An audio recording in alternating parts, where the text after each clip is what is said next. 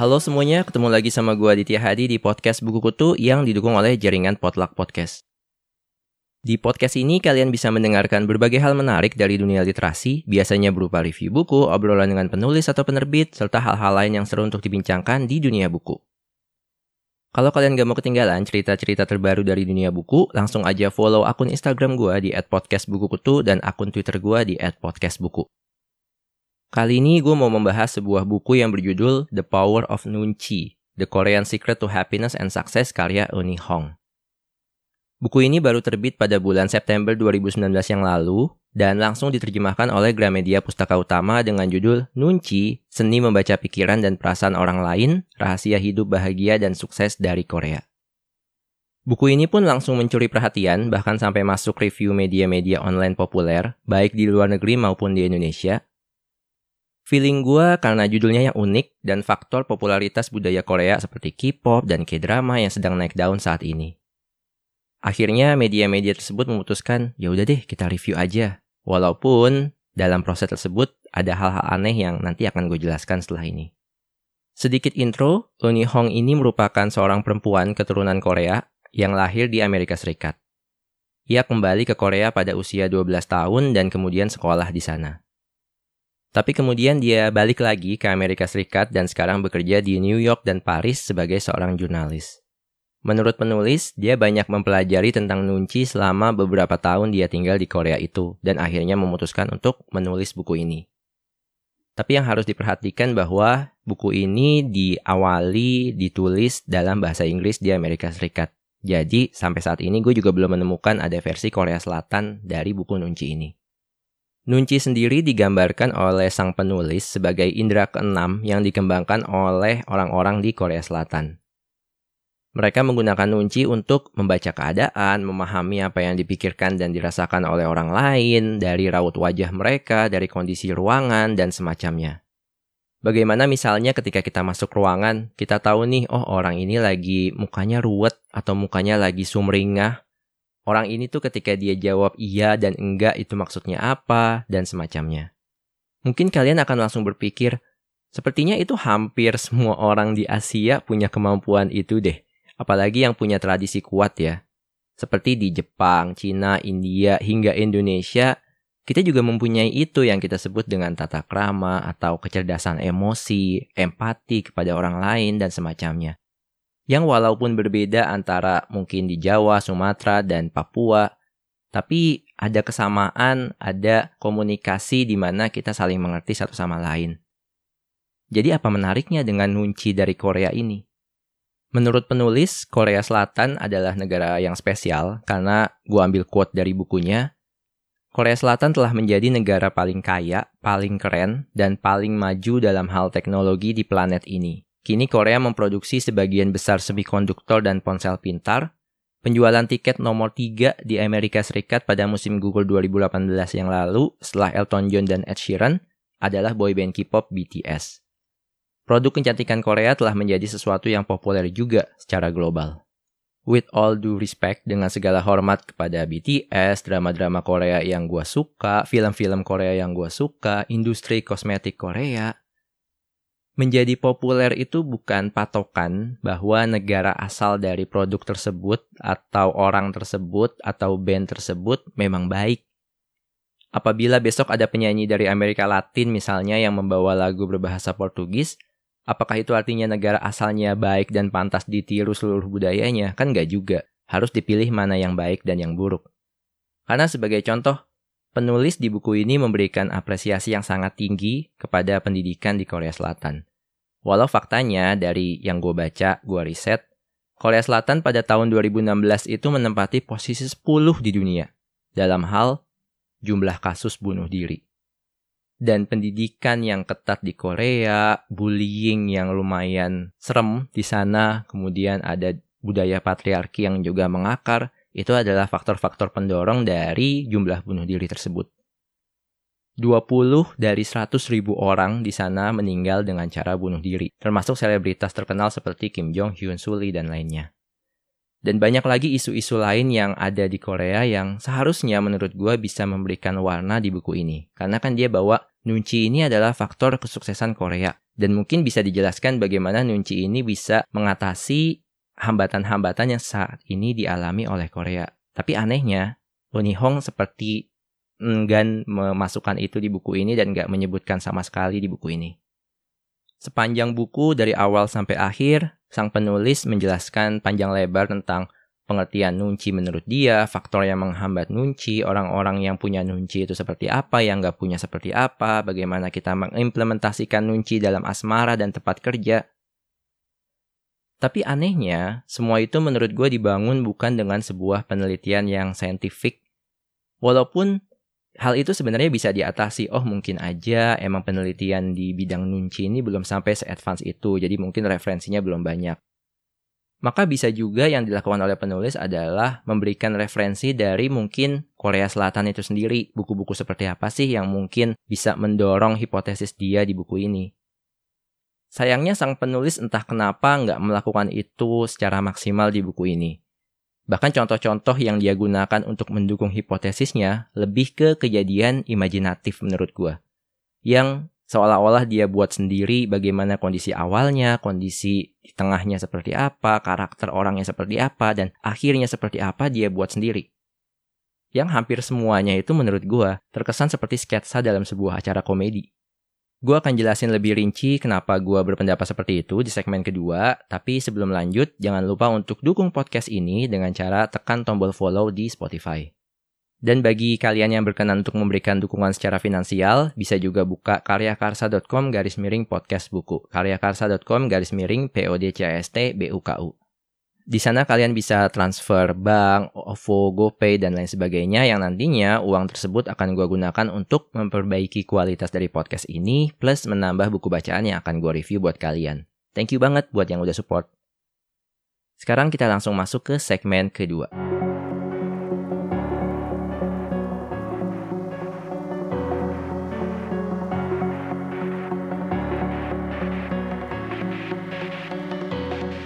Untuk buku Nunci, Seni Membaca Pikiran dan Perasaan Orang Lain, Rahasia Hidup Bahagia dan Sukses dari Korea, karya Uni Hong ini, gue cuma bisa ngasih satu dari lima bintang. Ini adalah salah satu buku non-fiksi terburuk yang gue baca selama beberapa tahun terakhir, karena menurut gue buku ini benar-benar gagal dari sisi bagaimana sang penulis menjelaskan konsep yang ingin dia tampilkan dan deduksi dari topik tersebut. Bahkan gue melihat ada sisi sang penulis ini melakukan stereotyping atau judgment yang asal-asalan yang dijelaskan secara tipis-tipis di buku ini. Dan dalam beberapa kasus, stereotip seperti itu bisa memberikan perspektif yang berbahaya bagi para pembaca. Gue coba jelasin satu-satu ya. Pertama, gue menyoroti kurangnya kisah nyata yang menjadi pendukung hipotesis sang penulis di buku ini. Sebelumnya gue udah baca banyak buku non-fiksi, terutama yang bergenre self-help, seperti Power of Habit-nya Charles Duhigg, Outliers-nya Malcolm Gladwell, sampai sebuah seni untuk bersikap bodoh amatnya Mark Manson. Semua buku itu emang mengajukan sebuah hipotesis, dan hipotesis itu bisa benar dan bisa salah. Tapi paling tidak, mereka berusaha mendukung hipotesis itu dengan menghadirkan cerita-cerita nyata, penelitian yang ilmiah di sekitar konsep tersebut. Contohnya adalah kisah Charles Bukowski yang dibawa Mark Manson bagaimana Malcolm Gladwell mengangkat penelitian soal pemain hoki es di negara Skandinavia hingga kisah populer bagaimana pasta gigi itu bisa menjadi the next big thing karena memberikan rasa min doang yang diangkat oleh Charles Duhigg. Nah, di buku Nunci ini, penulis hampir tidak memberikan sama sekali kisah nyata sebagai pendukung hipotesis dia. Bahwa Nunci adalah segalanya dan orang barat harus mempelajari ini agar bisa sukses. Kalaupun ada, terkesan seperti cerita yang berdiri sendiri, individual yang dinukil dari media online dan dipaksakan untuk masuk di buku ini dan mendukung hipotesis dia. Lalu mayoritas isi dari buku ini apa, Dit? Yaitu cerita-cerita khayalan yang ditentukan sendiri sama penulis. Ini menurut gue ya, karena dia nggak memberikan indikasi sebaliknya. Jadi cerita-cerita itu udah dia tentukan awalnya seperti apa, karakter tokohnya seperti apa, kejadiannya seperti apa, sampai akhirnya pun dia tetapkan sendiri. Contohnya ada kisah tentang keluarga muslim yang numpang di rumah orang non-muslim dan menurut dia nggak enakan buat ngomong tentang keharaman babi dan akhirnya memutuskan untuk diem aja dan makan babi yang disajikan. Sebagai seorang muslim, gue kayaknya nggak akan bertindak seperti itu deh. Wajarnya walaupun gue di situ adalah sebagai seorang pengungsi, gue tinggal ngomong aja. Maaf, saya tidak makan babi, jadi kalau ini yang disajikan, mungkin saya minum aja deh atau semacamnya gitu.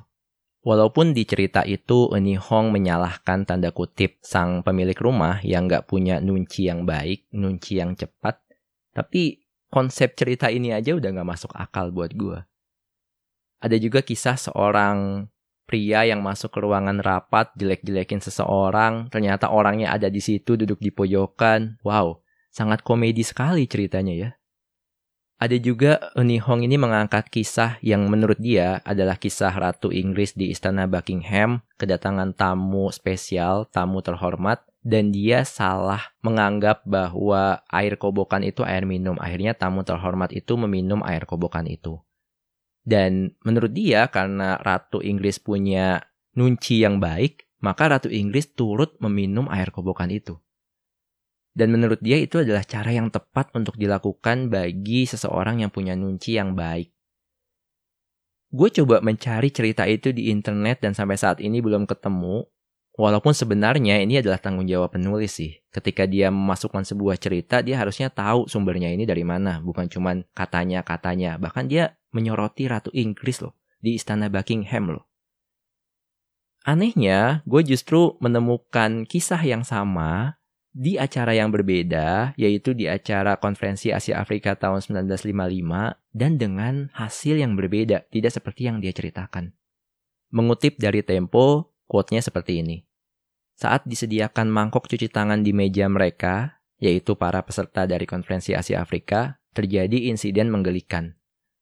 Perdana Menteri India Jawaharlal Nehru dan Presiden Mesir Gamal Abdul Nasser meminum air kobokan tersebut Kepala pelayan sigap bertindak, ia menjelaskan air itu bukan untuk diminum. Mereka hanya tertawa. Jadi ini sebenarnya kisah yang mana ya yang mau diceritakan oleh Uni Hong? Dan akhir kisah ini adalah hanya komedi gitu. Mereka menyadari kesalahannya dan kemudian tertawa dan aktivitas seperti ini justru menurut Uni Hong adalah sesuatu yang salah. Yang menunjukkan bahwa orang di situ tidak mempunyai nunci yang baik. Ini sebenarnya masalah Nunci atau emang Hong aja yang selera komedinya beda? Kedua, kenapa gue gak suka buku ini adalah buku ini seperti di dalam narasinya berusaha membenturkan budaya barat dengan budaya Korea. Bahwa budaya Korea itu bagus sedangkan budaya barat itu terkesan individualis sehingga menghambat pertumbuhan mereka. Dan itu kunci kegagalan mereka dan harusnya mereka belajar nunci menurut Euni Hong. Ini debatable tentang apa pandangan penulis tentang orang Barat dan orang Korea. Karena gue sendiri sedang baca buku Phil Knight, founder dari Nike, yang berjudul Shoe Dog.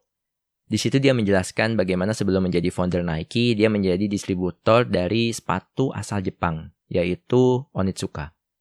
Dan dia benar-benar datang ke Jepang, dia mempelajari budayanya, dia berusaha memahami apa yang bisa dilakukan untuk meraih hati orang Jepang, dan dia sukses. Dan ini dilakukan oleh orang barat. Maka apakah kita bisa mengatakan bahwa orang barat itu nggak punya empati, nggak punya kecerdasan emosi, nggak punya pengertian terhadap orang yang budayanya berbeda, atau tanda kutip seperti yang disebut Oni Hong, nggak punya nunci. Ini hipotesisnya dari mana sebenarnya? Bahkan untuk menjelaskan konsep nunci sendiri, Oni Hong tuh justru menggunakan buku-buku fiksi, novel, yang ditulis oleh penulis barat.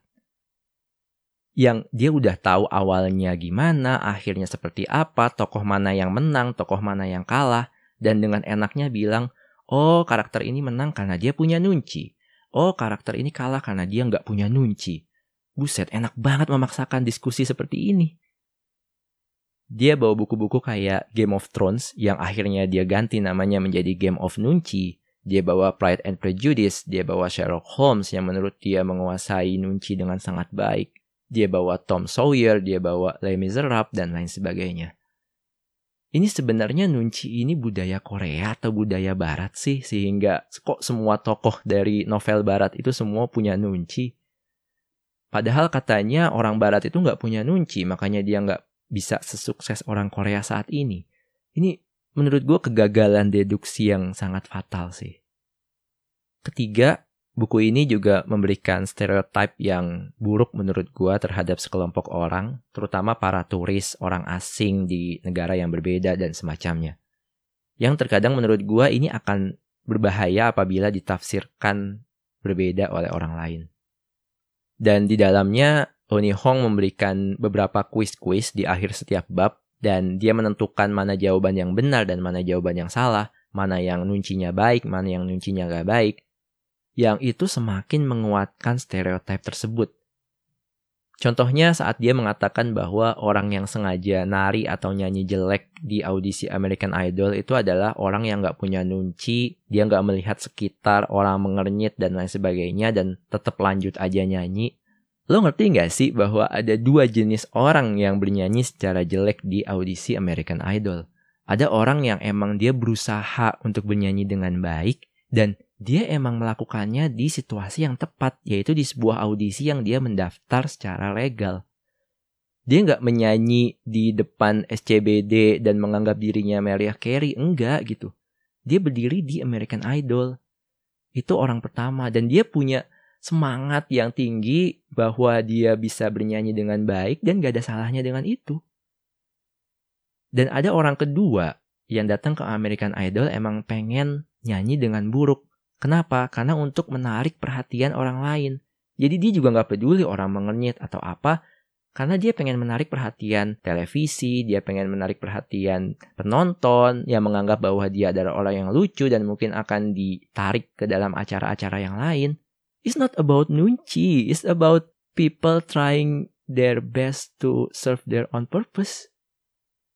Oni Hong juga mencibir orang-orang asing yang datang ke sebuah negara baru yang tidak memahami menurut dia budaya di situ dan itu menunjukkan bahwa mereka mempunyai nunci yang buruk. Padahal gue sebagai orang yang biasa bepergian juga ke negara-negara lain, gue tahu banget bahwa sekuat apa pun kita mempelajari budaya di negara lain, kita nggak akan dapat sepenuhnya akan ada hal-hal yang miss dari diri kita tentang budaya di negara tersebut. Dan apabila kita melakukan kesalahan, hal yang paling normal untuk dilakukan adalah mohon maaf, saya nggak tahu kalau di sini budayanya seperti itu. Kami di negara kami melakukannya seperti ini. Jadi mohon maaf, dimohon pengertiannya ya. Itu menurut gue hal yang normal buat gue, buat orang yang punya komunikasi baik. Tapi sebaliknya, Uni Hong justru mengatakan terhadap orang-orang yang seperti itu, orang-orang yang seperti gue. Saya tidak peduli. Dan dia memaksa orang-orang yang masuk ke sebuah negara baru, ke sebuah daerah baru, untuk beradaptasi dengan cepat, dan kalau mereka melakukan kesalahan, itu artinya mereka nggak punya nunci yang baik. Padahal menurut gue, yang namanya nunci itu kan, kalau gue mengikuti kata-kata dia ya, harus dimiliki oleh dua belah pihak orang asing yang datang dia harus punya nunci, orang di situ yang asli situ dia juga harus punya nunci. Yang artinya dia harus memahami oh ini orang asing, dia mungkin gak ngerti. Jadi bukan artinya itu adalah validasi kita harus berlaku kasar sama mereka. Tapi di sini Oni Hong justru menyalahkan satu pihak doang. Padahal itu semua bisa diselesaikan dengan komunikasi. Sebenarnya siapa yang nggak punya nunci di sini? Oni Hong menulis sebuah buku panjang lebar tentang nunci, tapi kok dia menunjukkan sendiri bahwa dia nggak punya nunci, dia nggak punya kepekaan sama orang asing yang datang ke sebuah negara baru. Uni Hong juga berusaha untuk memisahkan antara nunci dengan prasangka, dengan bias, karena mungkin dia tahu di Amerika Serikat sekarang sedang ramai isu rasialisme, penindasan terhadap orang yang berbeda, tapi ujung-ujungnya dia kesulitan sih untuk membedakan itu. Ada beberapa hal yang menurut gue, ini mah bias, ini mah prasangka. Ini adalah hal-hal yang gak berdasarkan sama data, tapi dia sebut sebagai nunci. Yang itu akan berbahaya banget kalau ada orang yang baca buku ini dan menafsirkannya, wah gue punya pendapat tentang orang itu. Tapi menurut buku ini itu adalah nunci dan bukan sekedar prasangka. Oke lah, berarti dia adalah orang jahat. Oke lah, dia adalah orang baik. Padahal kalau penulis ini sempat membaca buku Talking to Strangers karya Malcolm Gladwell gitu, atau buku Blink karya Malcolm Gladwell juga, atau buku Thinking Fast and Slow karya Daniel Kahneman. Banyak hal-hal di luar prediksi kita, di luar bias kita yang mungkin terjadi di kehidupan ini. Apa yang obvious sama kita, apa yang jelas, oh dia kok kayaknya mau ngambil pistol dari kantongnya gitu. Terus langsung kita tembak, padahal dia cuma ngambil dompet. Kita nggak bisa memisahkan kalau dia A, maka kita harus melakukan ini. Kalau dia B, kita harus melakukan itu. Enggak gitu. Padahal itu yang diajarkan sama Nunci bagaimana kita harus melihat semuanya itu secara komprehensif. Tapi di sini justru Hong membuat prejudis, membuat stereotip yang menurut gue itu berbahaya. Yang itu menurut gue is not Nunci that you talk about since the beginning of this book. Contohnya ketika dia mengisahkan tentang sebuah cerita bahwa ada kasus di mana salah satu tokohnya itu suka memakai baju operasi seperti di kamar operasi seperti seorang dokter, tapi nggak pernah ada noda darahnya. Dan kebetulan di cerita itu orang tersebut adalah orang jahat. Dan menurut Uni Hong, kalau kita mengekspresikan hal seperti itu di dunia nyata, maka itu adalah nunci juga. Padahal ada kemungkinan-kemungkinan baru yang mungkin muncul. Bisa jadi dia emang dokter yang mungkin operasinya nggak banyak keluar darah, atau mungkin dia rajin membersihkan bajunya sehingga tidak ada noda darah sama sekali dan semacamnya. Dan menurut gua di era seperti sekarang yang makin polar, ada yang kiri, ada yang kanan, ada yang cebong, ada yang kampret dan semacamnya, kita harus mengedepankan itu, mengedepankan empati yang sebenarnya diterjemahkan oleh Oni Hong sebagai nunci, tapi entah kenapa dia menafsirkannya sebagai sebuah stereotyping terhadap sebuah kelompok, terhadap orang-orang yang mungkin asing yang baru masuk ke sebuah negara atau daerah tertentu. Bahkan judgement atau stereotip yang dia buat itu seperti dipaksakan untuk memenuhi hipotesis dia bahwa Nunci ini adalah kunci kesuksesan. Seperti saat dia mengatakan, oh tahu nggak Jeff Bezos itu yang sekarang menjadi orang terkaya di dunia, pendiri Amazon, dia tuh bisa sukses karena Nunci. Steve Jobs, pendiri Apple, itu juga punya nunci. Bill Gates, dia juga bisa mendirikan perusahaan yang besar seperti sekarang, itu pasti karena nunci. Tapi kalau Elon Musk, hmm, kayaknya enggak, dia nggak punya nunci.